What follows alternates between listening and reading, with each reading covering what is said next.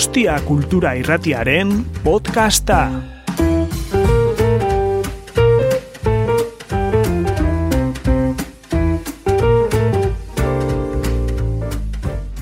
Bai, kaixo, arratsaldeon, gitorri eskerrik asko, e, altzako amargarre naturaldiraren jardunaltara etortzagatik. Eh, buenas tardes a todos. Gracias por acercaros a las décimas jornadas de, de, de, la, de Alchaco Natural Día que llevamos organizando con Alchaco Historia Minteguía desde hace 10 años, como puede indicar el título. Y siempre intentamos relacionar naturaleza con el barrio, con Alza, que yo creo que está muy bien relacionada.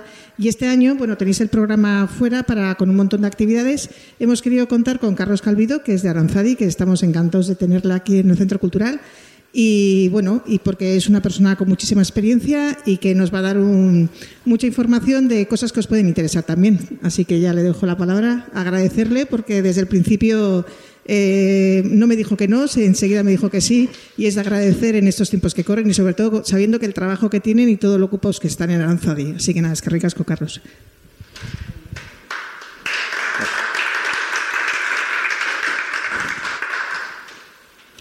¿Se me oye? Pues, gracias a vosotros por, invitarme. Eh,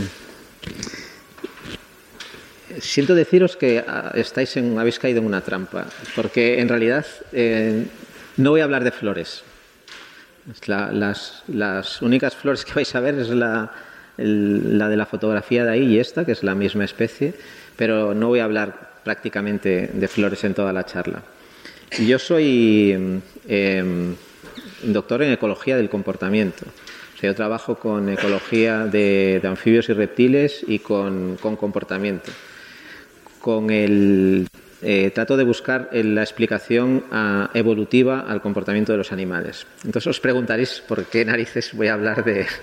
¿Por qué pregunto? ¿Por qué hago esa pregunta? ¿Por qué nos gustan las flores? ¿Y por qué voy a hablar de arte? Bueno, en realidad. Eh, no solo es una trampa porque no voy a hablar de flores, sino porque tampoco va a ser una charla al uso, en el sentido de que os voy a plantear más preguntas que dar respuestas. El título es una pregunta y prácticamente todas las charlas son continuas preguntas. O sea, en esta charla voy a hacer un montón de conjeturas. Pero confío que, que eso también os sirva para llevaros algo a casa. Eh, todo esto surge de que hace unos años Pablo Malo, que es un psiquiatra de Bilbao, eh, en, Twitter eh, escribía este. Se decía que no hay una teoría que explique de forma satisfactoria por qué los humanos nos sentimos tan atraídos estéticamente por las flores. Y citaba a su vez otro tuit de, otro científico que comentaba un, trabajo en el que se planteaban la hipótesis de que a lo mejor los humanos nos sentimos atraídos por las flores porque eh, las flores podrían ser una señal de disponibilidad de alimento. O sea, trataba de buscar una, explicación eh, adaptativa a por qué nos sentimos atraídos por las flores. Pero en realidad es poco creíble. Y de hecho, los resultados de ese trabajo que menciona le salían. Eh, no, no, le salía ningún resultado significativo, o sea, no, no, no apoyaban esa hipótesis. La cuestión es que eh, yo me puse a pensar y dije, bueno, pues a mí me parece no, tan, eh, una, no, no, una cosa tan rara que nos sintamos atraídos por las flores. O sea, en realidad es posible que no haya una teoría que lo explique, pero sí que se me ocurren unas cuantas hipótesis. Y la primera hipótesis que se me ocurrió es que si las flores no serían una trampa sensorial.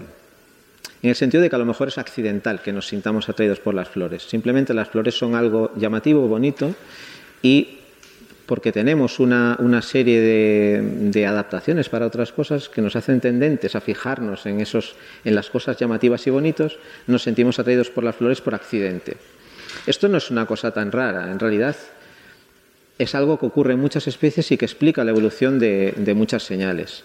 Esto se llama, es la teoría del, del, de la trampa sensorial o del sesgo sensorial y explica cómo eh, cómo evolucionan algunas señales bastante complejas, señales sexuales bastante complejas en algunas especies. Como por ejemplo en esos peces que se conocen como cola de espada. Esos son varias especies eh, relacionadas entre sí, emparentadas entre sí, de, peces de, ese mismo género. Algunas de esas especies tienen en la cola, los machos desarrollan esa espada, ese filamento final que lo utilizan para atraer a las hembras. Las hembras se sienten atraídas por esa espada. Con lo cual es una señal sexual que utilizan en el cortejo para atraer a las hembras. Los machos que tienen las espadas, que son capaces de desarrollar espadas más largas, son los que tienen más éxito atrayendo a las hembras.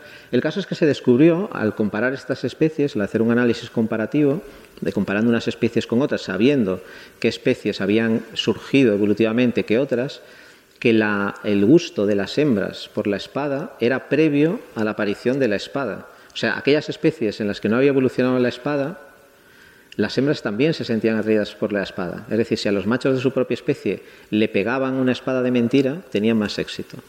Eso, esto lo que nos hace ver es que existía esa tendencia de las hembras a sentirse atraídas por cosas alargadas y en un momento dado la evolución la utilizó para usarla como señal sexual. El por qué las hembras se sentían atraídas por las cosas alargadas es porque las hembras se sienten atraídas por los gusanos, que es lo que comen. Entonces, cualquier cosa que tenga forma de gusano atrae su atención automáticamente. En otras especies, esto mismo ocurre, por ejemplo, esto es un fenómeno muy frecuente que ocurre en muchas especies. En otras especies de peces ocurre que los machos desarrollan coloraciones naranjas. Por ejemplo, los guppies, que eh, a lo mejor alguna habéis visto, es una especie que se vende muy a menudo como, como para acuarofilia eh, muchos machos tienen puntitos naranjas en las colas o desarrollan coloraciones naranjas de distinto tipo y eso es también porque las hembras se sienten atraídas por las cosas naranjas porque comen cosas naranjas. E incluso eh, en el caso hay especies de arañas en las que los machos para cortejar a las hembras lo que hacen es una especie de tamborileo con las patitas hacen un tamborileo encima de las hojas y eso atrae la atención de las hembras de nuevo atrae la atención de las hembras porque las hembras usan esos sonidos, esas vibraciones en el sustrato para localizar presas. Entonces, cuando el macho lo hace, la hembra no puede evitar fijarse. Es como si a nosotros nos pusieran delante pues, un, buen plato de comida suculenta. Y no podríamos evitar fijarnos en eso y luego utilizaran eso para conquistarnos, yo qué sé, con una cena romántica. Y de hecho, las propias flores eh, también hacen este tipo de cosas. Eh, muchas flores tienen esos, bueno, todas las flores tienen esos colores brillantes para atraer a los insectos y usarlos como polinizadores, usar a los insectos para que lleven el polen de un lado a otro. No, no, están usando esa señal con su propia especie, pero están usando esa señal con otras especies. Incluso hay flores como esa de ahí que lo que hacen es eh, engañar a los insectos, o sea, ni siquiera les van a premiar con polen, o con néctar, que es lo que, lo que usan las flores normalmente para premiar a esos insectos y que, sigan que siga funcionando ese mecanismo de, polinización, sino que hay algunas que los engañan y producen un olor nauseabundo. Esa, esa flor eh, produce un olor a carne podrida para atraer a moscas y utilizar a las moscas para... Las moscas van ahí pensando que eso es carne podrida, ponen los huevos y se llevan el polen, luego esos huevos nunca, nunca, nunca consiguen alimento. Pero bueno, vale, es posible que las flores eh, nos atrajeran por accidente, que de alguna manera estuviéramos eh, predispuestos a, sentirnos atraídos por ellas, pero ¿por qué? O sea, en las otras especies hemos visto que si se sienten atraídas por una trampa, eh, por, este tipo de trampas sensoriales es por algo, ¿no? Es porque, bueno, esa, esa, señal imita algo de lo que se alimentan o algo así. Pero y en nuestro caso, ¿qué sería? ¿Qué podría ser lo que nos, por qué nos sentimos atraídos por las flores? Entonces, bueno, si pensamos en, el origen evolutivo de nuestra especie y por qué en ese, en ese escenario eh, nos podrían sentirse atraídos por las flores o por qué a nosotros nos gustan las flores, lo primero que me, que me vino a la mente fue el arte. O sea, ¿acaso no será que nos gustan las flores porque nos gusta el arte? Y de alguna manera las flores, sin querer, por accidente, eh, nos parece algo artístico, algo como, como, como si fuera una obra de arte. Pero entonces, si eso fuera así, tal vez es porque eh, el arte, ¿qué, es el arte? Eso, parémonos primero a pensar qué es el arte. Eh, y no es nada fácil eh, definir el arte. Desde el mundo del arte se habla, se le dan muchas definiciones. La búsqueda de la belleza, tal vez, es el arte un mecanismo para generar emoción, también se dice. Eh, Ernest Gombrich, que es el, autor quizás del libro de historia del arte más, eh, famoso, eh, dice que el arte, directamente dice que el arte no existe, que lo que existen son los artistas Y este es, es, una, es, una, es un punto de vista curioso viniendo de un historiador del arte. Luego veréis por qué. Pero ya Darwin, en, en, el origen de las especies y en libros posteriores, proponía que el arte era una señal sexual, que en nuestra especie había evolucionado, había surgido eh, el arte, el comportamiento, un comportamiento que nos llevaba a hacer arte y, a, y apreciar el arte como señal sexual. Bueno, tal vez podría ser así, tal vez podría ser que, que, hubiera, que hubiera evolucionado como señal sexual, pero bueno, entonces parémonos a pensar que es una señal sexual. Primero, que es una señal? Eh, una señal es un rasgo o un comportamiento que surge para comunicarse con, otra, con otro individuo. Puede ser otro individuo de otra especie, como por ejemplo ese es el caso. Eso, que veis ahí son eh, señales aposemáticas, son señales de advertencia. Una es una señal visual, esos colores llamativos normalmente siempre significan ten cuidado conmigo porque soy venenoso. Lo veis aquí en una serpiente, pero eh, es lo mismo que ocurre en, una avispa, esos, esos, colores tan contrastados no son contrastados por casualidad, son contrastados para que cualquier otro animal los perciba. ¿no? O sea, no todos percibimos los mismos colores, por ejemplo, muchas coloraciones de aves eh, son, y de insectos se ven en el ultravioleta, nosotros no vemos ultravioleta, por lo tanto esas señales nosotros no las vemos, esas señales las ve la especie a la que van dirigidas, pero nosotros no. Cuando se trata de una señal como este caso que va dirigida a cualquier especie que pase por ahí, debe ser una señal muy evidente y que perciba todo el mundo. En el caso de la, de la, otra serpiente es una señal sonora, eso es una cascabel. El sonido de, cascabel que hace es también una advertencia.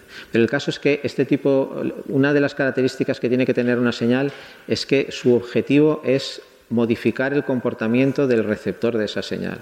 O sea, es que ese, ese pero deliberadamente, no accidentalmente deliberadamente. O sea, en este caso lo que quieren es que el animal que los, que los, con el que se encuentren se dé cuenta de que son peligrosas y las dejen en paz. En el caso de una señal sexual o una señal social, que son las más frecuentes y que ya son señales que van dirigidas a la propia especie, normalmente lo que se trata es de convencer a un, individuo de tu misma especie de que haga algo. Por ejemplo, si se trata de una señal sexual, de que se aparee contigo, de que te elija a ti como pareja frente a otros. O si es otro macho, un competidor, por ejemplo, que abandone tu territorio, pues porque se que se dé cuenta de que tú eres más fuerte que él y abandone tu territorio. Por ejemplo, en el, en el, en el caso del petirrojo, ese, ese, ese, babero naranja que los machos desarrollan durante el celo sirve para ambas cosas. O sea, es una señal de que ese macho está en buenas condiciones, que tiene buenos genes, que está muy bien alimentado y que además tiene mucha testosterona. Tanto sirve para atraer a las hembras como a los machos. En el caso de los gorriones ocurre lo mismo con el, el si os fijáis, en el macho, que es el que está más a la izquierda, eh, tiene una mancha eh, oscura, en el, un babero oscuro también se, le llama. También sirve para lo mismo, es una señal de dominancia y una señal que tanto machos como hembras eh, utilizan para conocer el estatus del animal que tienen enfrente. Todas estas señales, eh, pues bueno, evolucionan de distinta forma, pero todas ellas tienen una característica para que se mantengan, o sea, para que una vez la señal surja se mantenga a lo largo de la evolución de estas especies, tiene que ser ventajosa tanto para el emisor como para el receptor. Porque si una señal surgiera eh, porque le proporciona un beneficio al, emisor, por ejemplo, si de repente resulta que las hembras se sienten atraídas por los colores naranjas, ¿no? que hemos visto que ocurría en otras especies, y los machos son capaces de desarrollar esa señal naranja de forma barata, digamos, no les cuesta nada, pues todos los machos desarrollarían esa señal naranja. ¿Cuál sería el beneficio para la hembra? O sea, a la hembra no le valdría para nada, se sentiría eh, irremediablemente atraída por esa señal naranja, pero no obtendría ningún beneficio. Mientras que a lo mejor alguna hembra que no se sintiera atraída por esa señal naranja y se sintiera atraída por otras señales más útiles, otras señales que, que le proporcionaran alguna información, tendría una ventaja frente a ellas. Así que cuando, cuando una señal eh, permanece como tal, o sea, eh, forma parte de un sistema de comunicación es porque la hembra también tiene que obtener algún tipo de información. En el caso de, la mayor parte de las señales sexuales, la hembra obtiene información sobre los, buenos genes del macho o que el macho tiene una buena condición física. Digo, ah, digo el macho porque es lo más frecuente, pero dependiendo de la especie también funciona con hembras. ¿eh? O bien que tiene un buen sistema inmune, en fin, información que es útil para elegir una pareja o que es útil para evaluar un potencial competidor y no meterse en líos. Pero ¿cómo, cómo, establece la evolución que estas señales eh, sean lo que llamamos honestas? Que no mientan, que el macho no esté diciendo soy súper naranja y súper bueno y que en realidad no lo sea. Porque solo así a la hembra le va a seguir interesando usar esa señal. Bueno, pues esto lo se explica, Zahavi lo explicó según el principio del handicap, que él descubrió que la mayor parte de las señales tienen mecanismos para, para, desarrollarse, para que el macho desarrolle esas señales tales que necesariamente las convierten en honestas, o sea que no se pueden, no se pueden eh, falsear. Por ejemplo, en el caso del pavo real, de las, de las pavo real, se proponen dos, explicaciones, dos mecanismos que harían que fueran una señal honesta de la calidad de esos machos. Uno de ellos es, eh, los son los depredadores. ¿Sabéis? Los pavos reales, bueno, todos sabéis cómo es un pavo real, tienen esta cola extremadamente larga y esta cola tan larga eh, les genera ciertas dificultades para el vuelo. tanto machos como hembras vuelan, pero los machos vuelan mucho peor. Bueno, eso se conoce como handicap porque digamos que son más vulnerables hacia, hacia, ante los depredadores. Claro, si, un macho es más, si un macho con una cola larga es más vulnerable ante los depredadores, solo aquellos machos que son realmente muy muy buenos, que están, digamos, sobrados de recursos, sobrados de capacidad de vuelo, se pueden permitir ese lujo. A pesar de tener esa cola tan larga, incluso así son capaces de, escapar de los depredadores. Esa es la idea del principio del hándicap. En el caso de la cola del pavo real no solo se explica por ese mecanismo, resulta que si os fijáis las plumas de la, las plumas en general de todo, de todo el macho, pero especialmente las de la cola, tienen esos, esos colores y esos brillos iridisados, metalizados. Conseguir que una, que una pluma mantenga ese brillo es bastante complicado si tienes parásitos eh, ácaros en las plumas, que es algo muy frecuente en las aves. Las aves por lo general están llenas de, ácaros. Ácaros microscópicos no se ven, pero están llenas, que se comen la cutícula de la pluma. Entonces, para mantener esa, esa cola tan brillante, el macho necesariamente tiene que estar libre de parásitos. Si fuera un macho que tuviera un mal sistema inmune o que por lo que sea no se ha alimentado bien y no es capaz de estar libre de parásitos, no podría exhibir esa cola. estos son, hay distintos mecanismos, de repente, dependiendo de la especie, que, consiguen que esas señales sean honestas. Entonces, bueno, más o menos ya tenemos idea de lo que es una señal. Es un sistema de comunicación eh, que transmite información honesta sobre un rasgo que es interesante para el receptor de la señal, tanto para el emisor como para el receptor de la señal. En función del mecanismo que hace que la señal sea honesta, pues serán unas características o serán otras. Por ejemplo, y volviendo un poco atrás, en el caso del petirrojo, ese, ese color naranja, eh, durante mucho tiempo, por cierto, si, si, en algún momento tenéis alguna pregunta, como tampoco somos muchos, paradme y, y, preguntad.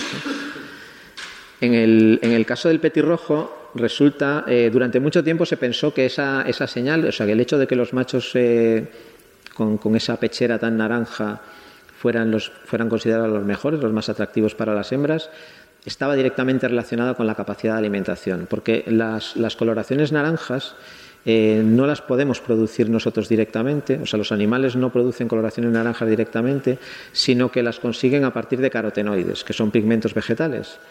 Entonces, bueno, se,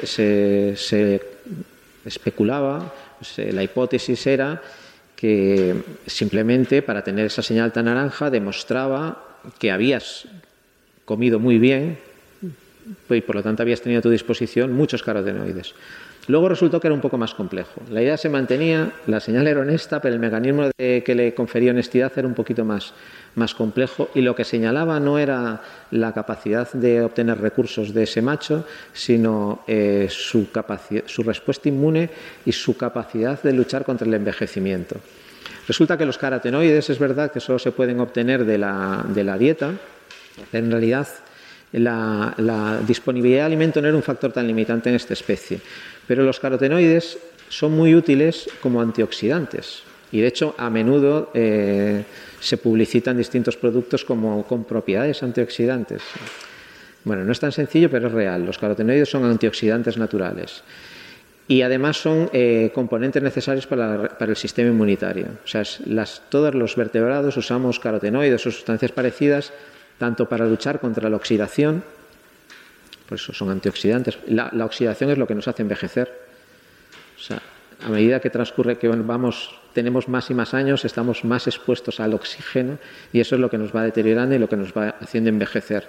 Entonces, bueno, hay una serie de mecanismos que tratan de contener eso hasta cierto punto. Cuantos más carotenoides utilices como antioxidantes, más despacio vas a envejecer. Y además también forman parte del sistema inmunitario. Son necesarios para tener eh, un buen sistema inmunitario o un sistema inmunitario funcional. ¿Qué ocurre? Que si tienes que utilizar carotenoides para generar esa señal sexual es porque te sobran. O sea, tienes tantos que los tienes para como antioxidantes, para el sistema inmunitario y además los, los colocas en tu, en tu señal sexual para exhibirla ante las hembras. Y eso es, lo que le, eso es lo que le confiere honestidad a esta señal, y no solo le confiere honestidad, sino que a las hembras le está informando sobre que ese macho tiene una buena respuesta inmune y tiene unos buenos mecanismos de, de antioxidantes y que va a vivir más tiempo, lo cual es muy interesante como pareja porque a su vez sus hijos van a heredar esas características y además también, como en el caso de las aves, los machos colaboran en el cuidado de las crías, se están garantizando de que van a tener un buen compañero que les ayude a sacar adelante los pollos que tengan con él. Pero bueno, vayamos ahora, volvamos otra vez a lo de si el arte será una señal sexual o no será una señal sexual, una señal social. Somos la única especie que hace arte. Hay más especies que hacen arte. ¿Qué especies hacen? ¿Conoces alguna especie que haga arte? Efectivamente, sí. Pero bueno, antes, de, antes dijimos, eh, no, no, no, me cuando digo especies que hacen arte no me refiero a esto. O sea, esto, este, este tipo de vídeos que a menudo se ven de un elefante pintando, bueno, distintas especies pintando, bueno, normalmente la mayor parte de ellos son falsos, ¿eh? o sea, son animales entrenados, no, no, no creáis que es un elefante que de repente se le da por pintar a otros elefantes. Son animales muy inteligentes, pero no tanto. Pero la cuestión es que el arte es un producto cultural, eso está claro, ¿no? El arte se puede que tenga ciertos componentes innatos, luego lo veremos, pero esencialmente es un, es un comportamiento cultural. O sea, los niños no nacen haciendo arte, o por lo menos de forma muy rudimentaria, pero bueno, luego sí que aprendemos a usar ciertas tendencias y a, base de aprendizaje y de, y de heredar ciertos conocimientos, pues muchas personas son capaces de hacer distintos tipos de arte y de expresarse artísticamente. Entonces, primero planteémonos la pregunta de, ¿somos la única especie que tiene cultura? Porque si hay otras especies que tienen arte, estamos diciendo implícitamente que hay otras especies que tienen cultura. Porque que un ave cante, eso no es arte, eso es un comportamiento innato, o sea, simplemente canta. Aunque bueno, podríamos discutirlo, porque el canto de las aves no es completamente innato, también hay una, una parte aprendida. Y de hecho, sí, hay especies que tienen cultura. No somos la única especie que tiene cultura, que esto es una cosa que también se, se, suele pensar, sino que hay otras especies que tienen cultura y no, y, no, y no pocas, hay unas cuantas, muy variadas. Por ejemplo, esto es una orca eh, en baja en la. En, bueno, creo que esta foto es de, de, la zona de la Patagonia. Hay, en el mundo hay varias, varias eh, manadas de orcas que han desarrollado distintos métodos de caza eh, de caza de leones marinos, ese es un león marino, y han aprendido a cazarlos en, la, en las playas. Es, un comportamiento eh, antinatural en ellas. O sea, la orca, sabéis, es un, es un cetáceo completamente marino. Normalmente cazan en el agua, no salen del agua nunca. Bueno, estas, estas manadas repartidas en distintas zonas del mundo, de forma independiente han aprendido a cazar de esta manera. Lo que hacen es lanzarse, en el, con, aprovechando el, rompiente de las olas, se lanzan, embarrancan en la playa, capturan a los leones marinos y luego retroceden. Este es un comportamiento aprendido que se transmite de padres a hijos. E insisto, que ha surgido de forma independiente, en, pues estas poblaciones son de Sudamérica, creo que hay otra población en, en la costa norte del Pacífico americana y otra en Australia. Son comportamientos que surgen, que un animal de repente eh, descubre que puede hacer y los demás lo imitan y eso se transmite generación en generación. Eso es una buena descripción de cultura. Pero no es, la, no es, la, no es el único caso. Uno de los casos más, más eh, conocidos y más paradigmáticos es el de, el de estos son carboneros. Eh, es una especie que es frecuente aquí, la podéis ver en cualquier parque. Bueno, pues resulta que en los años, creo que fueron los años 70, eh, de repente los, unos, los carboneros de una zona de Inglaterra aprendieron a abrir las botellas de leche que los lecheros dejaban en las puertas de las casas, esto era leche fresca, aprendieron a abrir las botellas de leche para comerse la nata eh, la nata esa que queda depositada en la parte de arriba de la leche. Bueno, pues aprendieron a comerse la, nata. Pero no, no, fue, era, o sea, fue una cosa que empezaron a hacer unos poquitos individuos en una zona y de repente se empezó a extender. Y en, en poquitos años, gran parte de los carboneros de Inglaterra eh, habían aprendido a, a explotar ese recurso alimentario. O sea, eso fue también un comportamiento que aprendió uno, que descubrió uno y que se fueron copiando unos a otros y fue un fenómeno de transmisión cultural. Esto se documentó, porque esto se, digamos que se vivió en tiempo real. De repente alguien descubrió que, coño, pues los carboneros están comiéndose la leche, se siguió el proceso durante años y se vio cómo se iba extendiendo.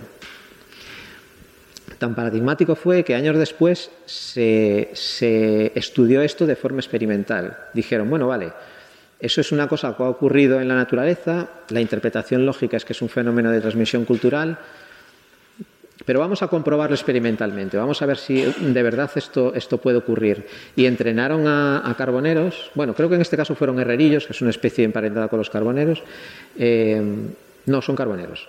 Eh, los entrenaron para con, con, ese tipo de cajas en las que le ponían una combinación de colores para que supieran qué combinación de colores tenían que tocar para obtener alimento. Entonces ponían estas cajas en distintas zonas, entrenaban a unos aves y luego ya eh, dejaban que ellos solos se la fueran comunicando unos a otros. Iban al principio era con un sistema de recompensa, o sea, tocaban ahí, era ensayo y error, ¿no? Tocaban en distintas combinaciones de colores hasta que ellos aprendían cuál era la combinación correcta para obtener alimento. Y en unas zonas utilizaban unas combinaciones de colores y en otras otras.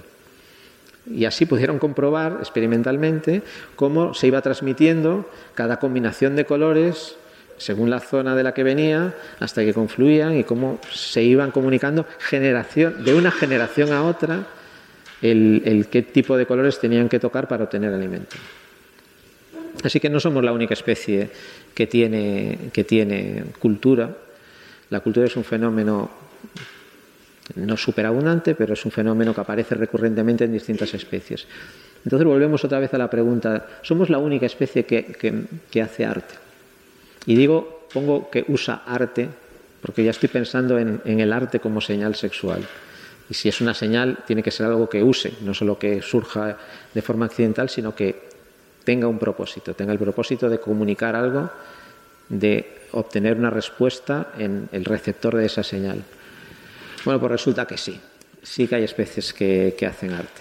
La más eh, conocida de todas o las más conocidas de todas, porque son varias especies, son los pergoleros, o también se conocen como jardineros. Esta es una especie emparentada con las aves del paraíso, son especies australianas, que los machos construyen jardines, no, no son nidos, son jardines, el nido lo construyen luego en otro sitio.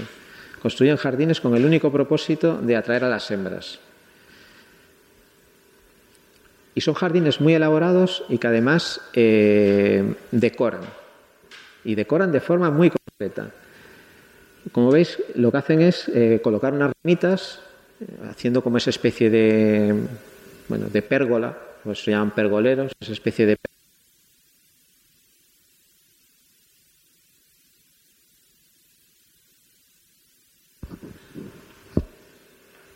¿Sí? Ahora sí.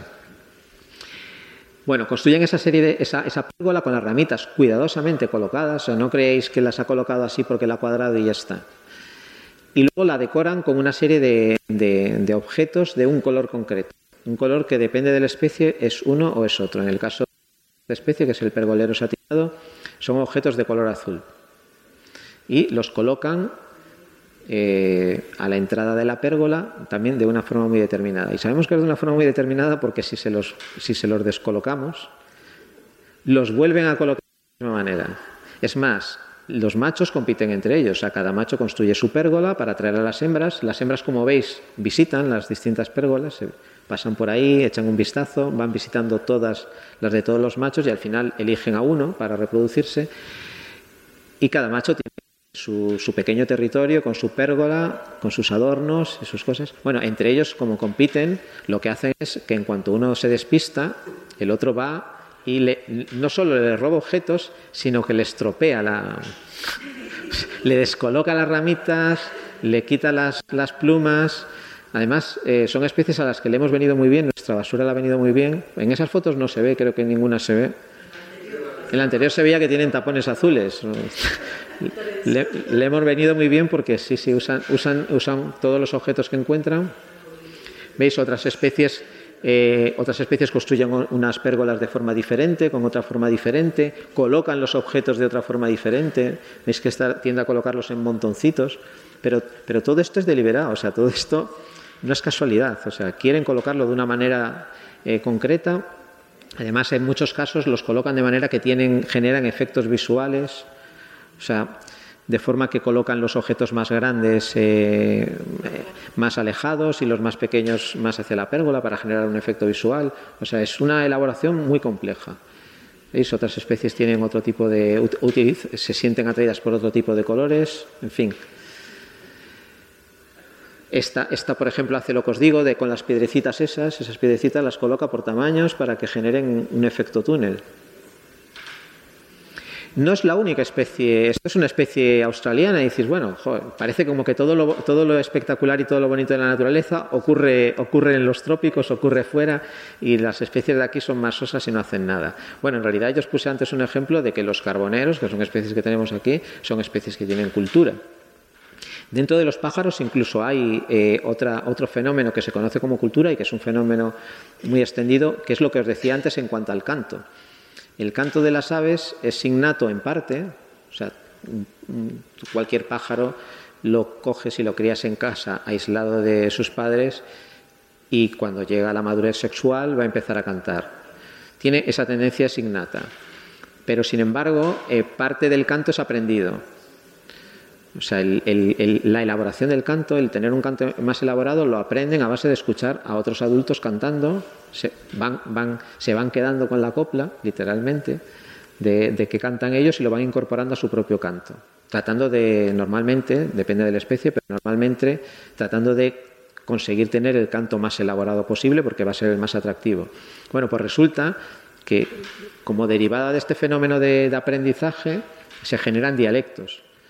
De forma que la misma especie, según la zona, canta en un dialecto diferente a la otra. Hasta el punto de que si una hembra la, la sacáramos de una zona y nos la lleváramos a otra con un dialecto diferente, no le gustaría a ningún macho, porque no entendería qué están diciendo, no estaría acostumbrada a ese dialecto en el que están cantando. Y eso es algo que ocurre también con las aves que tenemos por aquí. Pero bueno, eh, volviendo a lo de los pergoleros y tal, eh, otra especie que tenemos aquí y que hace una cosa muy parecida a los pergoleros son los estorninos. Los estorninos, estos que duermen eh, en, muchos parques urbanos y que a veces molestan bastante porque forman mandadas bastante abundantes y ruidosas y tal. Bueno, pues esos estorninos, cuando hacen los nidos, los machos colocan esas plumas y veis las plumas de allí y las, ese verde, esas hojas, eh, no, son, no son materiales de construcción para mantener los huevos como las, el resto de ramitas que usan, sino que son adornos. Son adornos que utilizan y que la hembra valora como, como implicación por parte del macho. O sea, los machos tratan... Sí. Hmm. Para, atraer a la hembra y tal, pero que a la hembra le reporta un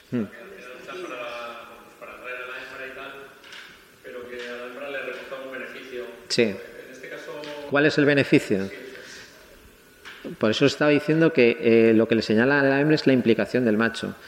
O sea, la hembra se está asegurando de que el macho está trabajando, recogiendo material, buscando, porque no coge material al azar. O sea, el verde que usan en esa foto no se ve, pero por lo general suelen ser aromáticas, a veces usan determinadas flores, o sea, cogen un material concreto. En el caso de las plumas también, suelen, por ejemplo, coger muchas plumas de arrendajo, esas plumas azules que tienen los arrendajos que son muy brillantes, las suelen buscar eh, concienciadamente para encontrarlas y ponerlas. O sea, todo eso implica un trabajo que el, macho tiene que realizar para conseguir adornar el nido, que a la hembra le garantiza que está muy implicado en, su, en la apoyada que tiene con, ella. Porque las aves, aunque son el, el, paradigma de la monogamia, ¿no? siempre se ponen como ejemplo de monogamia, y bueno, en cierto modo son monógamas, porque sí que es verdad que forman una pareja y ambos tienen que cuidar de los huevos, pero son monógamas de aquella manera. O sea, no solo es que sean monógamas, algunas especies sí que son monógamas durante toda la vida, pero son casos excepcionales en los que se forma una pareja y año tras año la misma pareja se reencuentra y vuelven a criar. En muchas otras no ocurre esto, o sea, son monógamas durante un año, el año que viene ya veremos, e incluso dentro de la misma temporada se ponen muchísimo los cuernos. O sea, sí que los machos se suelen encargar de un nido, pero bueno, Mientras tanto, le van dedicando las atenciones también a otras hembras. Y las hembras hacen lo mismo. ¿eh? Las hembras también a veces buscan copular de otros machos y resulta que hay machos que están criando eh, pollos que no son solo suyos. Otro ejemplo espectacular de, arte en, otras especies animales eh, son estos peces. Tenía un vídeo, pero nunca, nunca, nunca me funciona. Siempre, si ya sabéis que usar, vídeos en, presentaciones PowerPoint es un deporte de riesgo. Eh, pero bueno, esto, esto lo hace un pez. Eh, este pez. No se ve muy bien, es, un, es una especie de pez globo. Es, un pez pequeñito, no muy grande, y hace este tipo de estructuras en el fondo, en el fondo marino. Son estructuras súper complejas, Incluso las hay más complejas que estas, perfectamente simétricas, una serie de patrones muy elaborados, también patrones eh, que cada especie tiene su patrón concreto y que no están hechos al azar, o sea que es deliberadamente están buscando ese patrón y eso es la señal que usan para atraer a las hembras. Este era el vídeo donde se veía, pero no se ve. Bueno, entonces, eh, llegados a este punto, tenemos que tiene pinta de que el arte sea una señal, ¿no? O sea, desde luego es una señal sexual que usan otras especies para, para atraer parejas. Pero si el arte fuera una señal en nuestra especie, porque hemos visto que todas las señales en todas las especies transmiten alguna información y la transmiten de forma honesta. Entonces, si el, arte fuera una señal en nuestra especie, ¿qué podría señalizar? No es una pregunta retórica.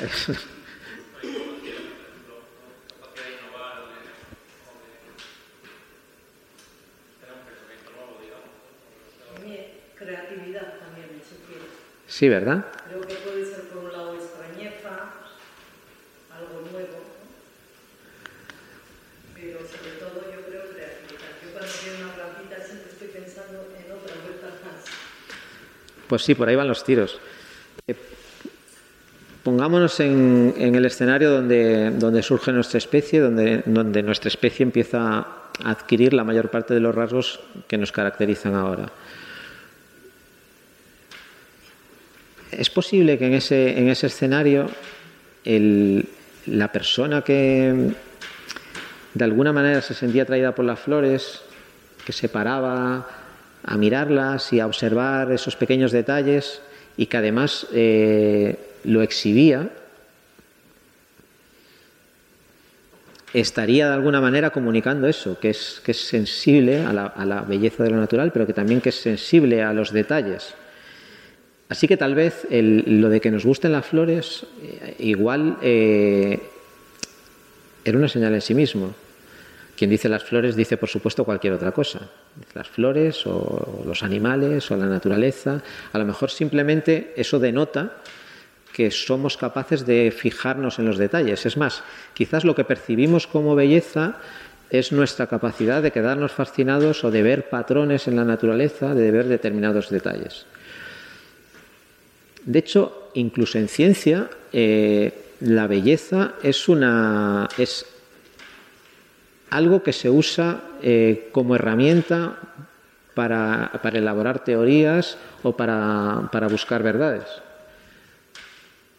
O sea, Paul Dirac, el famoso físico Nobel, lo decía explícitamente, una ley física tiene que poseer belleza matemática. O sea, para él la belleza era una característica a buscar a la hora de elaborar teorías científicas.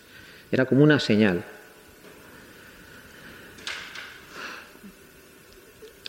Eh, la cuestión es el, el, si el arte es una señal, debería afectarnos. Eh, creo que sí, ¿no? Todo el mundo se siente emocionado por el arte. Deberíamos exhibirnos, deberíamos exhibirla, lo cual creo que también, ¿no? El arte es algo que se exhibe. O sea, nadie hace, nadie se, no, no consideramos a nadie artista si, si su obra es privada y para sí. O sea, entendemos que eso es raro. Normalmente, incluso los artistas, cuando hacen obra para sí, es porque están ensayando, están probando. Pero la finalidad última es exhibirla.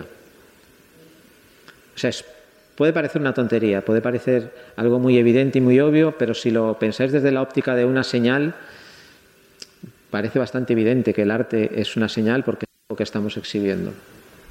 Y desde luego es algo que nos emociona, es algo que, que de alguna manera nos altera. Y esta era otra de las características de la señal. O sea, una señal tiene que provocar un comportamiento en, en el receptor de esa señal. Incluso determinadas formas de arte eh, de alguna manera nos sincronizan. El baile es un ejemplo directo. El, baile es un arte, es obvio, es obvio, pero además es un arte compartida. ¿no? O sea, a menudo no solo exhibimos nuestra capacidad de bailar, sino que de alguna manera la coordinamos con nuestro. Sí, con nuestro potencial eh, receptor. Entonces, esto también nos, nos, nos, podría dar alguna pista. Tal vez el arte tiene también la función de, sincronizarnos. Sincronizarnos tiene algún tipo de valor. ¿Qué, qué, vuelvo otra vez a preguntar lo mismo. ¿Qué podemos, ¿Qué podemos estar mostrando con el arte? En casi todas las especies, las señales sexuales normalmente, eh, cada especie tiene una señal sexual distinta y muy diversas. Normalmente tratan de señalizar aquello que es más relevante dadas sus, sus, características, su ecología, dado aquellas presiones evolutivas con las que tienen que lidiar. Bien, ¿cuál sería en, algunas especies? Pues pueden ser los parásitos, por ejemplo, eh, si son especies sometidas a muchísima presión de parasitación. En otras especies son los depredadores y la capacidad de escapar de los depredadores, porque eso es muy importante para ellas. En otra es la capacidad de obtener alimento, porque son especies que a lo mejor eh, dependen de recursos muy limitados y eso es muy determinante a la hora de eh, criar a, a los pollos o lo que sea. En nuestro caso, ¿cuál ¿Cuál se os ocurre que es nuestra característica más, más importante, más relevante, aquello que nos puede dar una mayor ventaja?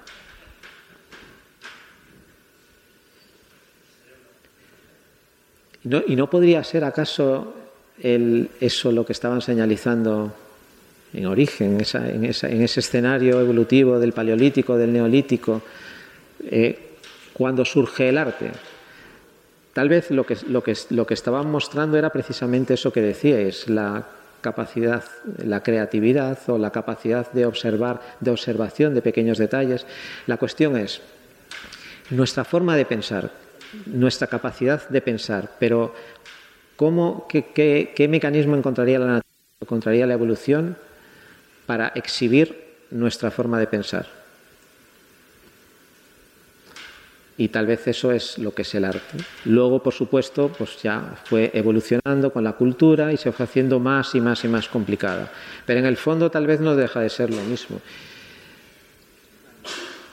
Y esto nos lleva por, no sé si por último o lo voy a prolongar un poco más, pero eh, últimamente se está hablando mucho de, otra vez de qué es y qué no es el arte eh, por culpa de las inteligencias artificiales.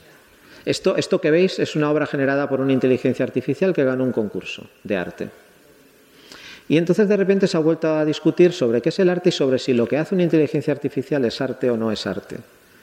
Y hay opiniones para todos los gustos. Hay quien dice que sí, por supuesto. Sí, mira, es indistinguible de lo que hacemos nosotros. Y si nos emociona, si nos genera una emoción, pues, pues será arte. Y hay quien dice que no, porque eso es algo que ha hecho una inteligencia artificial, no es algo que ha hecho una persona. Con lo cual, hay gente que entiende que el arte necesariamente tiene que hacerlo una persona. Yo recuerdo la frase que decía antes el historiador del arte, que decía, no existe el arte sino los artistas. Por ahí van los tiros. Desde un, desde un punto de vista, desde una visión evolucionista de lo que podría ser el arte, o sea, si decimos que el arte es una señal, entonces esto no sería arte, porque una señal es inseparable del emisor de la señal, o sea, forma parte de un sistema de comunicación. Es obvio que una inteligencia artificial no está tratando de comunicarse con nosotros ni está tratando de, cambiar nuestro comportamiento, por lo menos de forma deliberada. Así que eso podría resolver este, este dilema de, si esto es arte o no es arte. Desde mi punto de vista no lo es. Entonces, bueno, para acabar aquí o no, igual la pregunta de por qué nos gustan las flores al final se ha transformado en por qué hacemos arte. Y es eso lo que, lo que deberíamos pensar, por qué hacemos arte. No sé cuánto tiempo llevo hablando. Y si debo acabar o puedo seguir. ¿Seguro?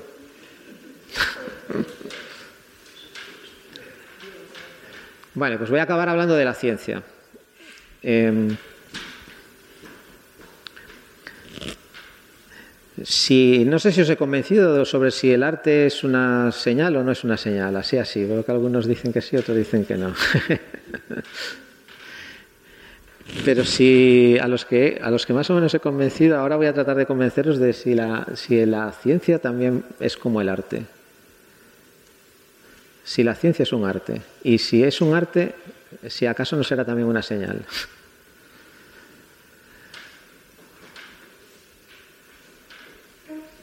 La ciencia y el arte tienen muchísimas, muchísimas más cosas en común de lo que pueda parecer.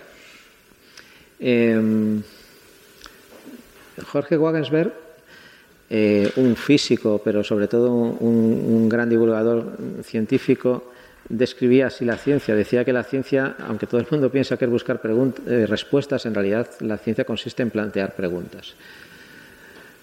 La respuesta es casi rutina. La cuestión es buscar buenas preguntas, porque en realidad la ciencia nunca llega a responder, nunca consigue respuestas definitivas ni le hace falta. Las respuestas siempre son parciales o incluso temporales.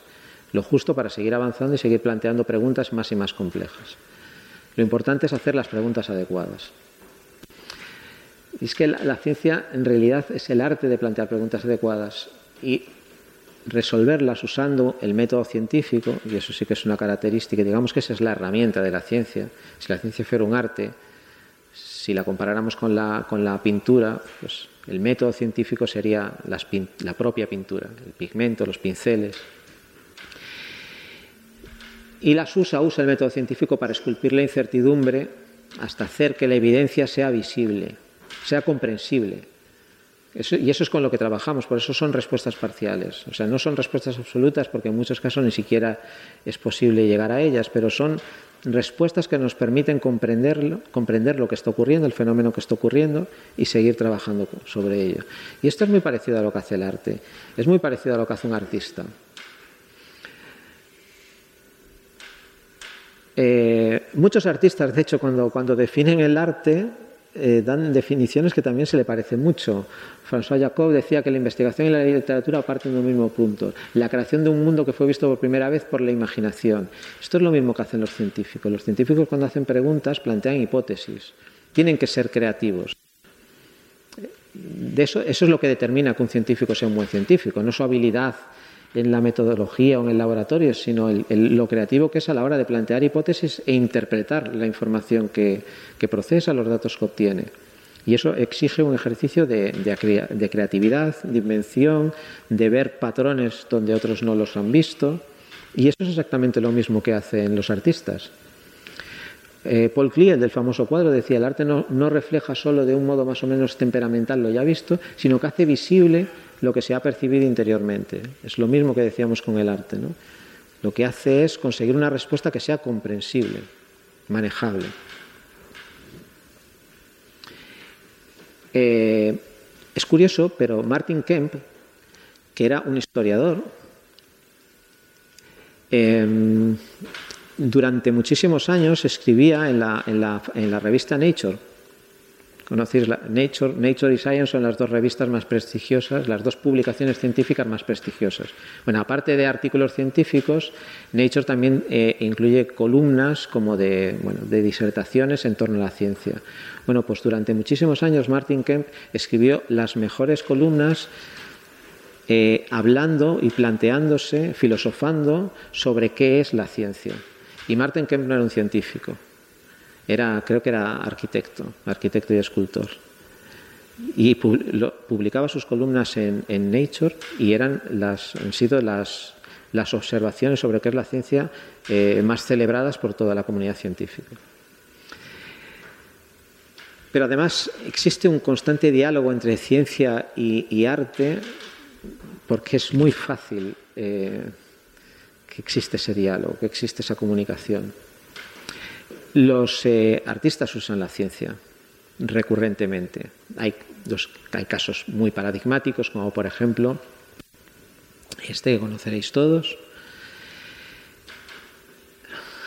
Eh, Chillida.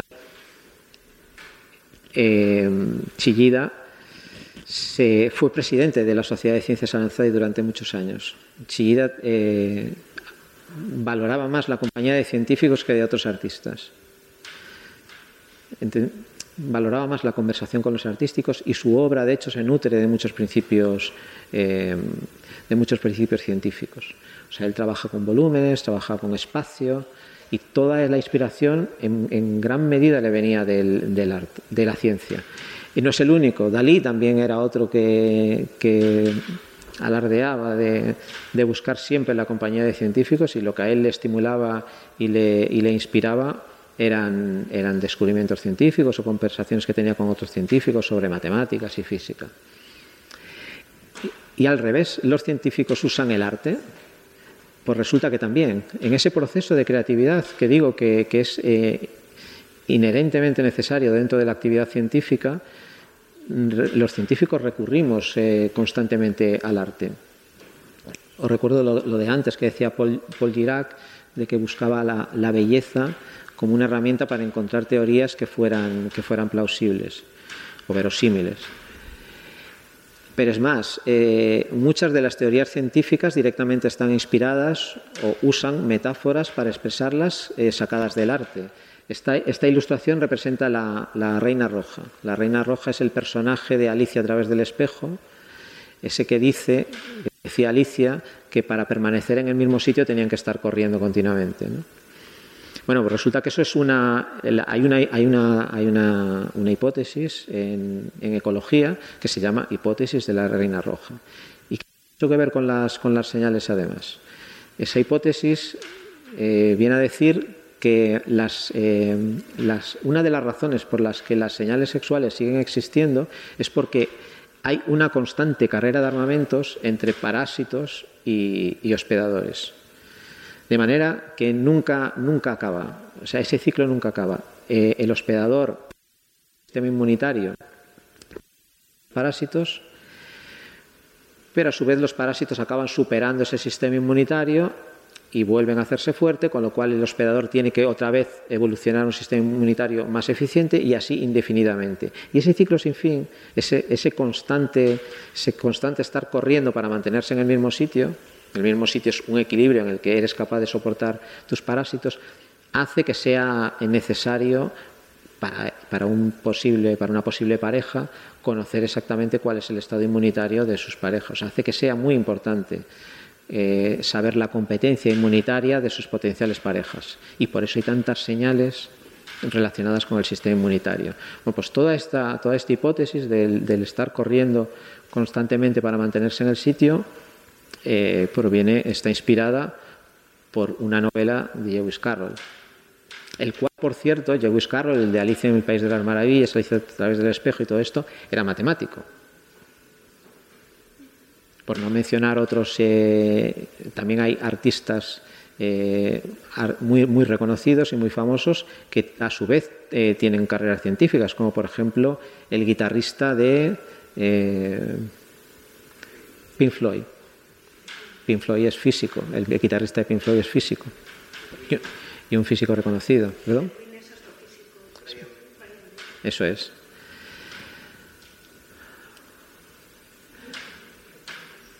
E incluso podríamos decir que la divulgación científica es una forma de usar también el arte para explicar eh, distintos conceptos.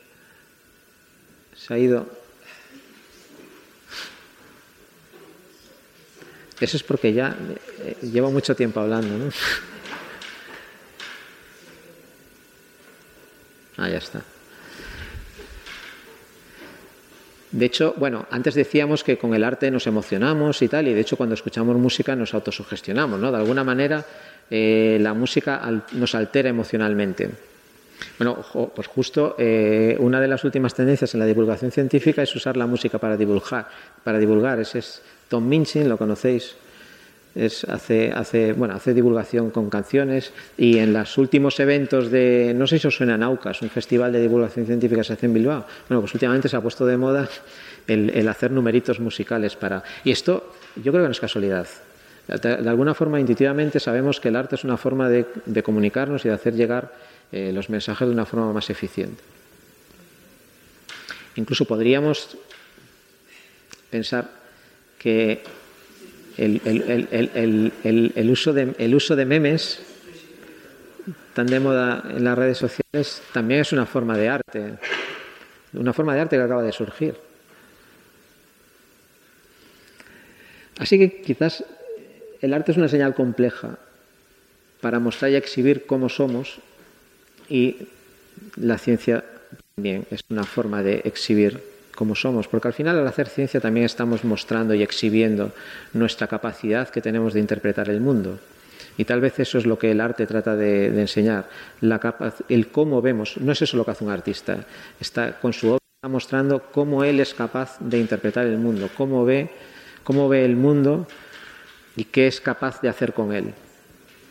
Y a lo mejor al hacer eso lo que está haciendo es buscando enseñando cómo es su mente y buscando otras mentes que sean similares a la suya.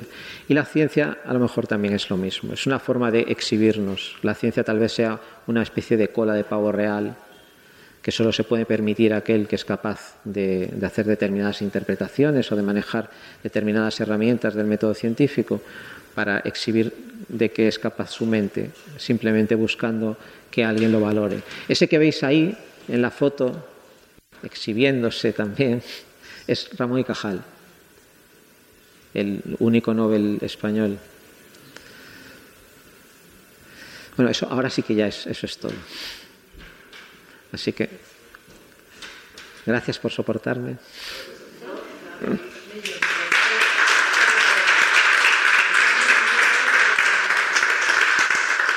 Bueno, y, ya, y ya por último, eso, eso, esa plantita que veis ahí es la, es la misma que esta plantita que veis aquí. Eh, es, es, una violeta silvestre. El caso es que esta, esta planta la hay en, en, casi en cualquier sitio, en los caminos, en cualquier sitio, nadie se fija en ella, todo el mundo la pisa, pero resulta que si le pones una maceta, se convierte en otra cosa. Y a, a partir de aquí podría seguir hablando media hora más sobre eh, la relación entre el arte y la conservación del medio ambiente, pero eso lo voy a dejar para otro día.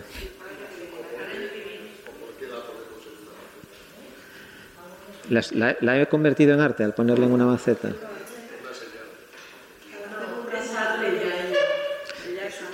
Bueno, un, un- un ramo de flores es arte, ¿no? Por, por eso lleva, se regalan tantos ramos de flores por Es- todas las vistosidades de esas cosas. Para atraer también. Bueno, de hecho se usan para eso, ¿no? Nadie re- eh, el, el uso más tradicional.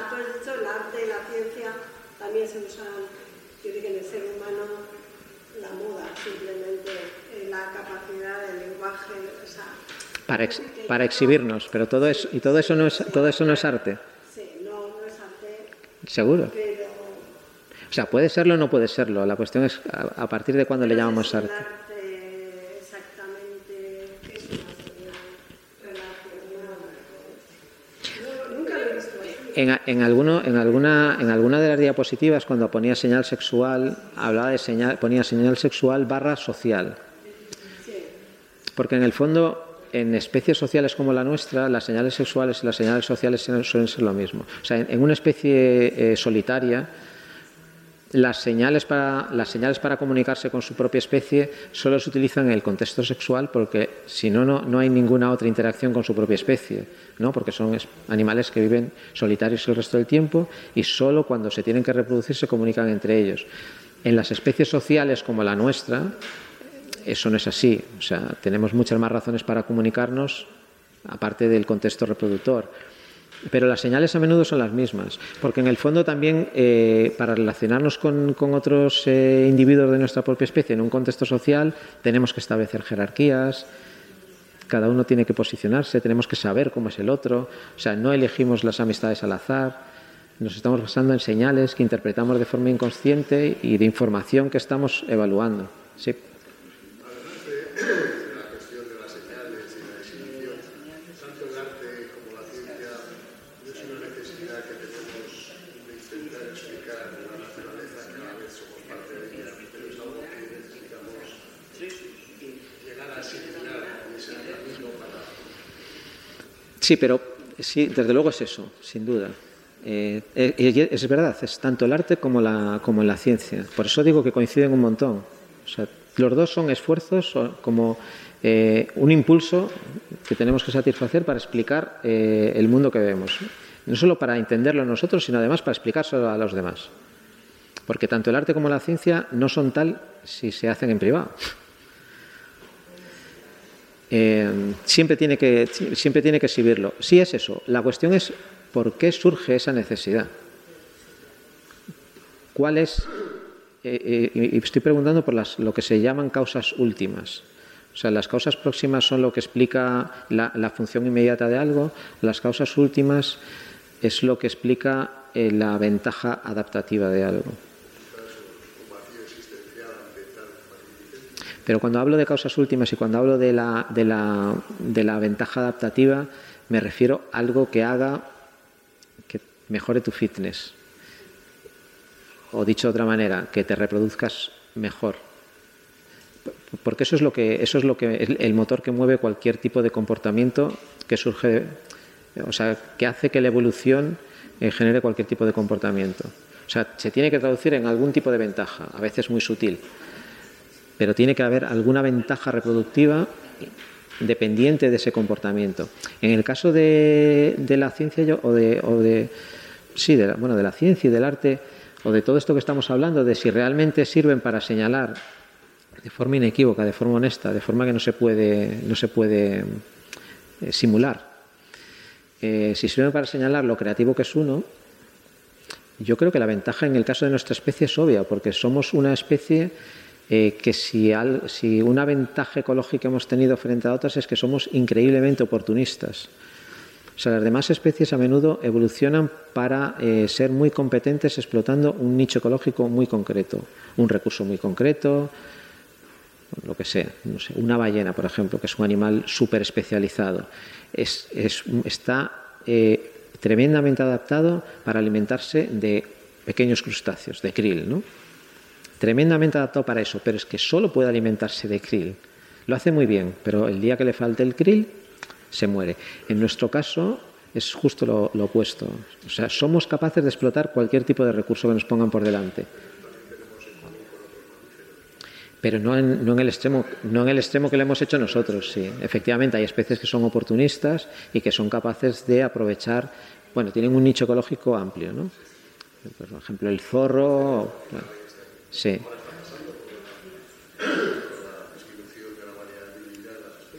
Sí.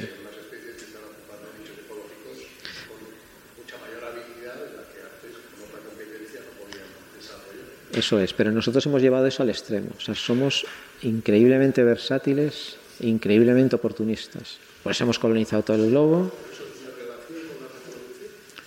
Bueno, la cuestión es sí, sí, sí, porque si eres, si eres eh, en un contexto de competencia entre individuos y porque puedes eh, vivir en cualquier sitio, explotar más recursos y en, en, su momento eso se traduciría que eras capaz de tener más hijos. Bueno, no solo de tener más hijos, sino de tener más hijos que llegaran a, a su vez a tener hijos que no se murieran.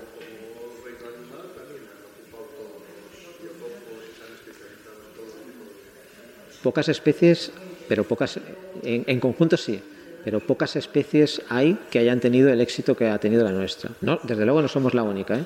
Hay alguna otra especie que es cosmopolita. Bueno, es un éxito evolutivo. Es un éxito evolutivo. En términos evolutivos es un, es un éxito. Pero bueno, también es verdad que en términos evolutivos todas las especies presentes en un determinado momento, porque están presentes, son igual de exitosas, si no se habrían extinguido. Pero el caso es que la baza que hemos... Pues... Bueno, porque hemos, hemos abarcado tanto y a lo mejor a lo mejor a lo mejor en ese en ese escenario futuro en el que estemos al borde de la extinción por nuestra propia culpa de nuevo vuelven a ser una ventaja definitiva y es lo, que nos, lo que nos lleva a salvarnos o no. Pero volviendo al, al, al, escenario original en el que de repente se convierte en tan ventajoso esa capacidad nuestra de ser tan versátiles, creo que está directamente relacionada con nuestra creatividad, ¿no? porque eh, una, un individuo extremadamente creativo sería el que era capaz de explotar nuevos recursos y por lo tanto a lo mejor invadir nuevos territorios y tener a su disposición recursos de los que los menos creativos no eran capaces de llegar.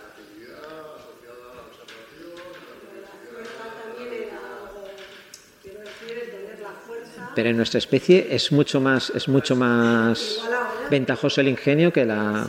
Incluso, incluso antes también, ¿eh?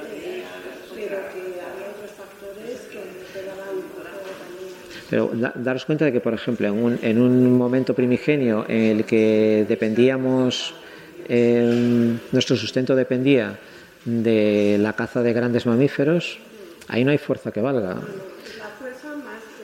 El ingenio, la capacidad de a lo mejor planear determinadas tácticas y todo eso. Entonces, el individuo que destacara por eso sería ventajoso.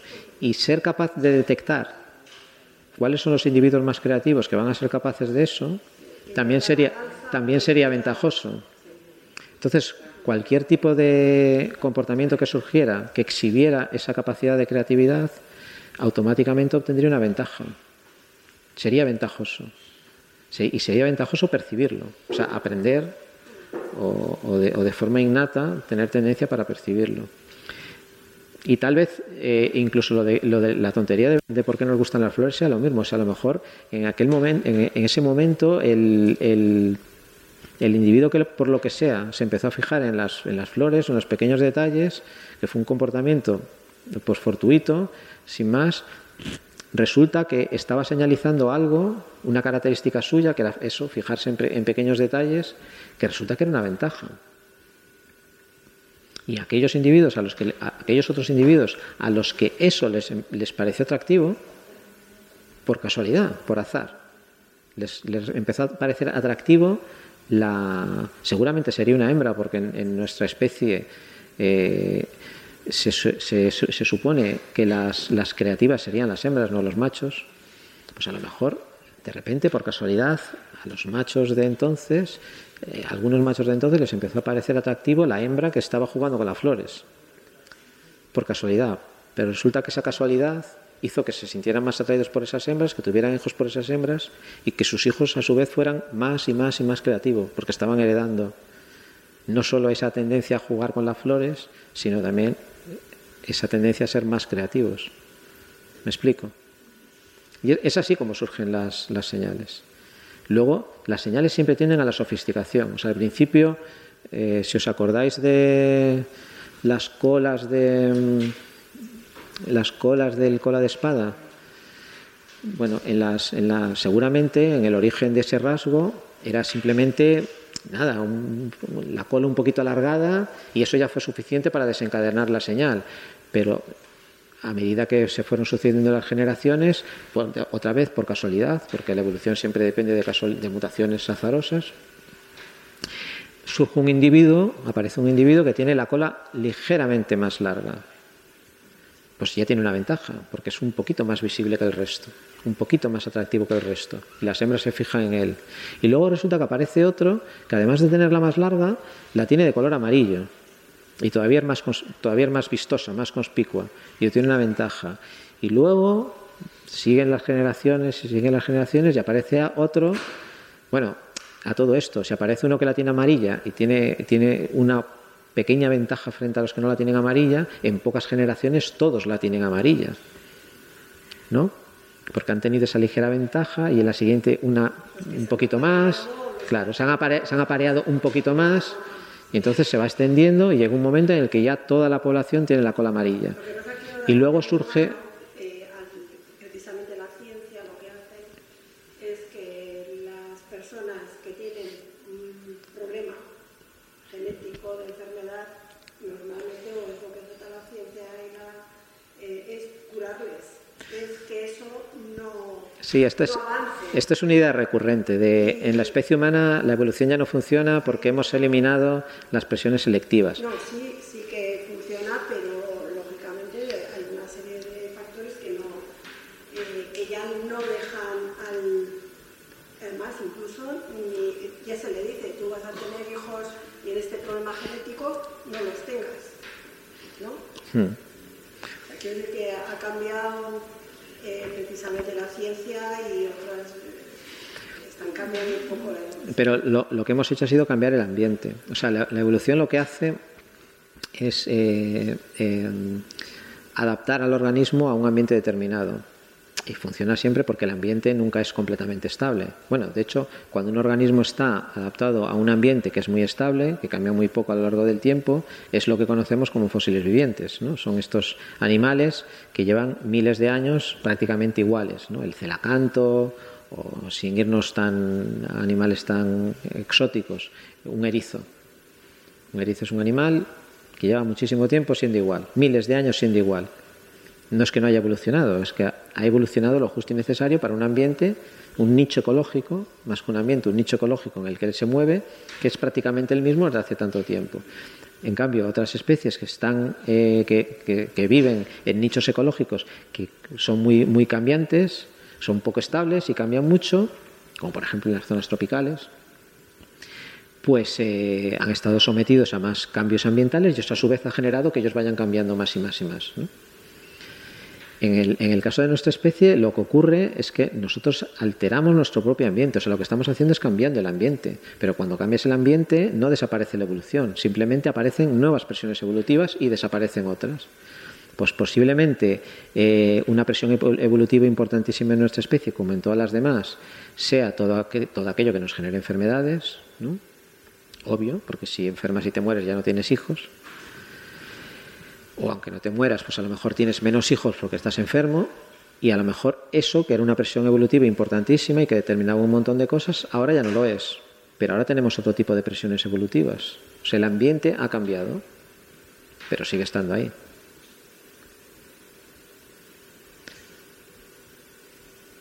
No sé, a lo mejor ahora eh, eh, lo determinante es la capacidad de mover el pulgar súper deprisa para poder escribir en los chats de tal y tener en vez de 10 conversaciones 25. Y eso hace que tengas más ventaja reproductiva o no sé.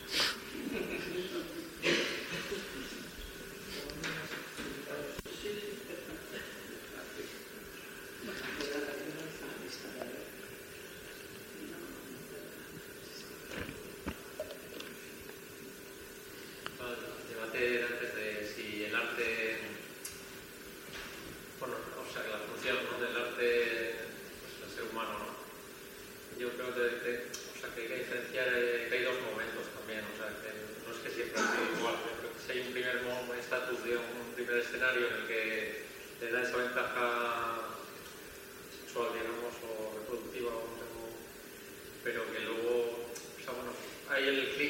clic, el momento es donde ya están todas las necesidades cubiertas. Quiero decir que creo que el arte actual, por ejemplo, Hmm.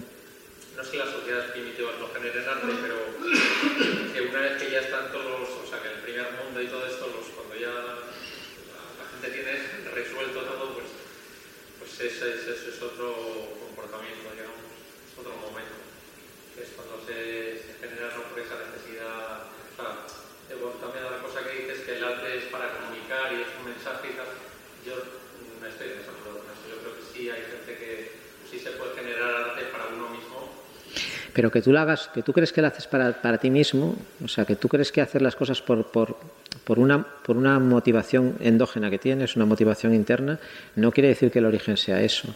Quiere decir, por ejemplo, eh, comemos muchas veces porque algo nos resulta apetecible, o sea, es por satisfacer el gusto, porque tenemos sentido del gusto y porque nos genera placer. Esa es la, la principal razón por la que come todo el mundo. Nadie está pensando, no, no, tengo que comer porque necesito nutrientes para seguir funcionando, pero en el fondo la razón es esa. Y el gusto, el gusto evoluciona para que hagamos eso. Entonces, con el arte es lo mismo. O sea, que la función última del arte sea comunicar, no quiere decir que tú conscientemente hagas arte para comunicar y lo percibes así. No, a ti te va a generar placer hacer arte.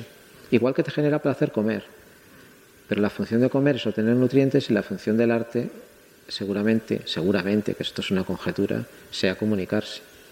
Sí, sí, posiblemente, pero bueno, a ver, la función del arte ahora mismo, bueno, no sé, viene a ser pues como la ciencia, o sea, generar preguntas. O sea, cuando nació la fotografía, por ejemplo, que empezó imitando a, a la pintura, claro, bueno, y, y se le hacía de menos por eso, o sea, es como que, bueno, eso no puede ser arte algo que, no sé, no me vas a comparar la dificultad de pintar un cuadro con el hacer un clic, ¿no? Bueno, que entonces era un clic más complejo que ahora, pero pero luego en un segundo momento es ya, pues, mm, bueno, mm, toda la gran fotografía del siglo XX es cuando ya, eh, para mí, eh, es una fotografía que te genera preguntas, o sea, que igual no sabes qué está ocurriendo Pero- ahí, o no sabes muy bien qué está haciendo, o sea, ya te- Pero, pero tú, tú fíjate que eh, incluso con algo como la fotografía, que tú mismo dices, surge siendo algo meramente técnico, ¿no? una herramienta que te permite plasmar de forma fidedigna una imagen, nos la hemos arreglado para convertirla en arte. O sea, yo lo veo así, nos la hemos arreglado para convertirla en arte. Y que con el arte, además, puedes transmitir distintos mensajes. Por ejemplo, puedes transmitir, hay un tipo de arte que transmite destreza técnica. Eso es lo, eso es lo único. El, el arte, la pintura realista. La pintura realista en, en círculos de artísticos, de expertos en arte, no es la más valorada. O sea, popularmente es, es muy valorada porque es muy fácil de entender, ¿no? O sea, tú ves un cuadro de eso que parece una fotografía y dices, Dios mío, qué capacidad eh, técnica, ¿no? Y qué, qué capacidad de manejo de- del detalle y tal para haber logrado algo que es como una fotografía. Y todo el mundo lo entiende, porque lo que tienes que entender, o sea, lo que tienes que ver es, ¿se parece a una fotografía o no? Ya está, es así de sencillo. Y, la, y, te está, y te está mostrando la capacidad técnica del que lo hace, pero no es lo que, digamos, la que tiene más contenido artístico. O sea, para un crítico de arte, el, arte realista es una, sí, es trivial. En cambio, otro tipo de arte lo que te está mostrando no es tanto la destreza técnica, sino las preguntas a lo mejor que se plantea el autor o la- la- el cómo ve el mundo el autor. Y es verdad que como espectador tú también estás viendo, te, te genera preguntas. Pero es posible que la función última, y insisto, esto son todo conjeturas por mi parte, es posible que la función última sea que se encuentren esa forma de ver la- el mundo del, del autor de la obra con una forma de ver el mundo similar del receptor de la obra.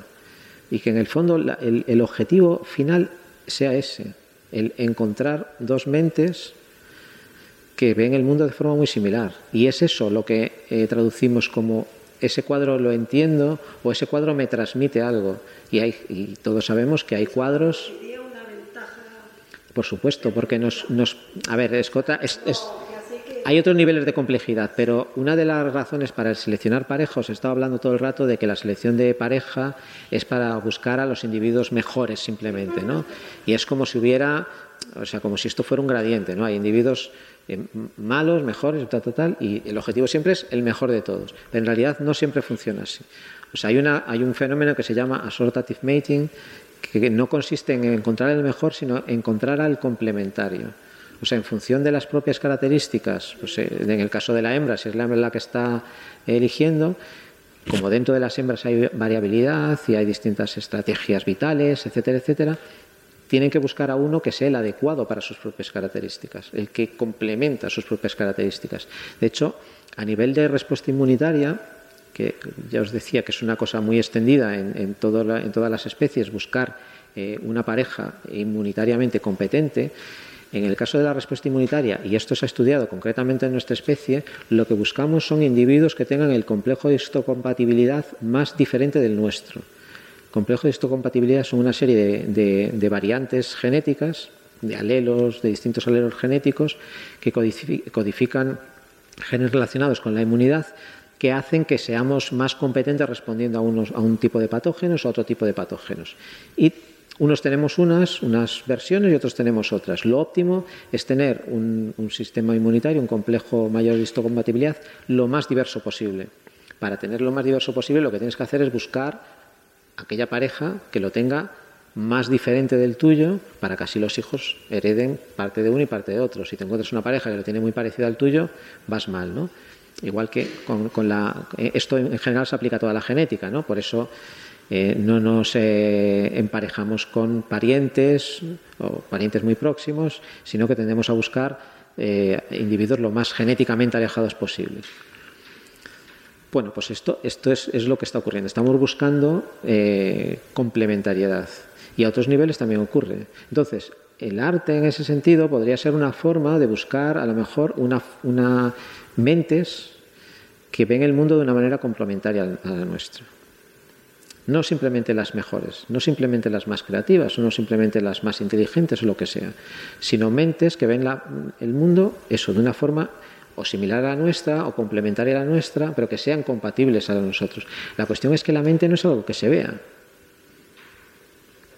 O sea, el físico lo podemos exhibir, incluso la respuesta inmune, curiosamente, también.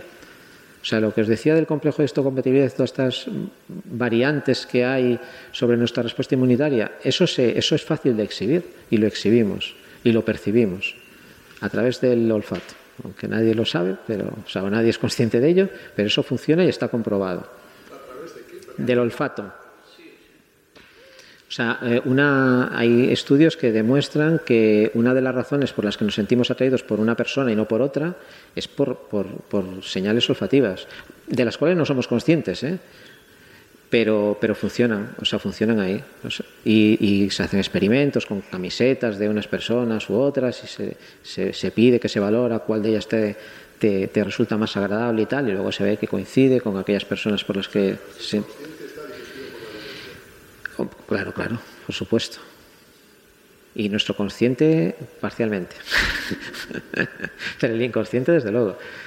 La cuestión es que mucho de nuestro comportamiento creemos que es consciente, por ejemplo, en cuanto a lo de la elección de pareja es muy claro. O sea, nadie, nadie nunca jamás ha dicho en ningún sitio, cuando le preguntas qué te gusta de ella o qué te gusta de él, nadie dice, tiene un complejo de histocompatibilidad completamente diferente al mío.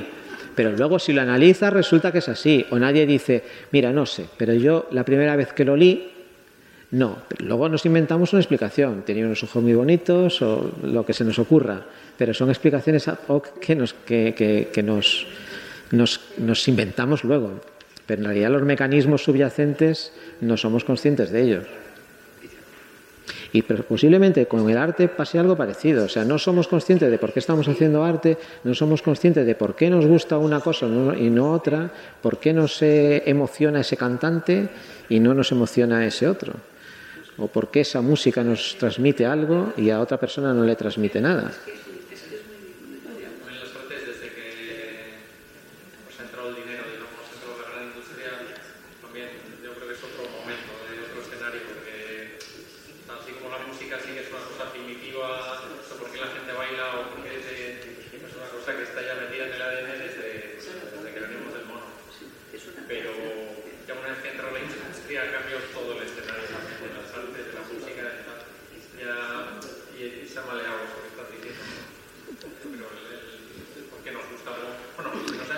Yo creo que la, industria lo que ha hecho, o sea, llama la industria, llámale capitalismo, pero lo que, lo que hace el, capitalismo es eh, explotarlo todo. O sea, coge cualquier cosa y la convierte en negocio. Entonces, pues sí, ha cogido el arte, que es algo, eh, a- digamos, a lo que no podemos resistirnos, y lo ha convertido en negocio y lo ha explotado. Entonces, bueno, las consecuencias que eso tiene, que la explotación en general de cualquier cosa que hace el, el capitalismo, pues más o menos ya lo vamos vislumbrando todos. Una obra de arte valga mucho o no. Bueno, eso ya es otro tema que... No, no quiere decir que te emocione. No, no, claro que no. No, no, pero el mercado del arte creo, creo que es un fenómeno ajeno al arte en sí. ¿eh?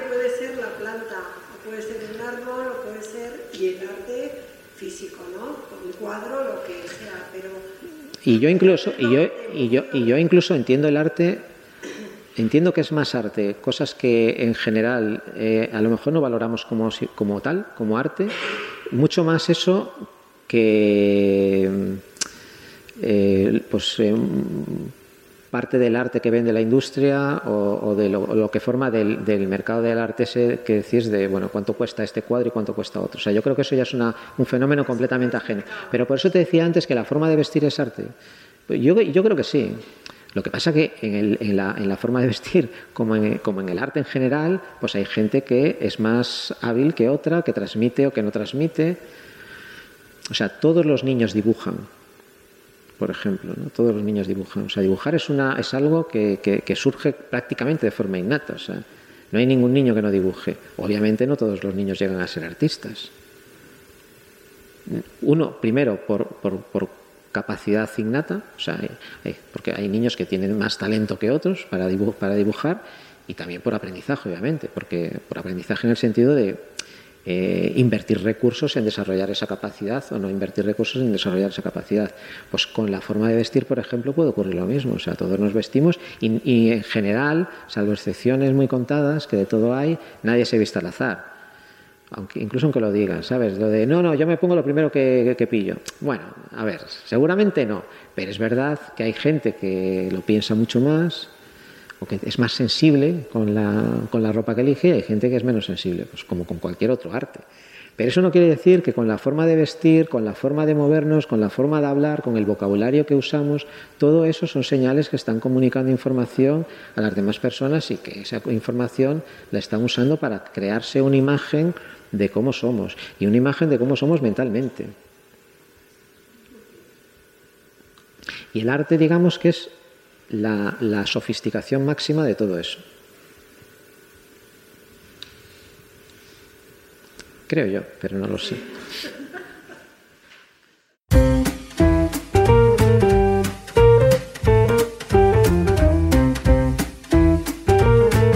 Donostia Kultura Irratiaren podcasta.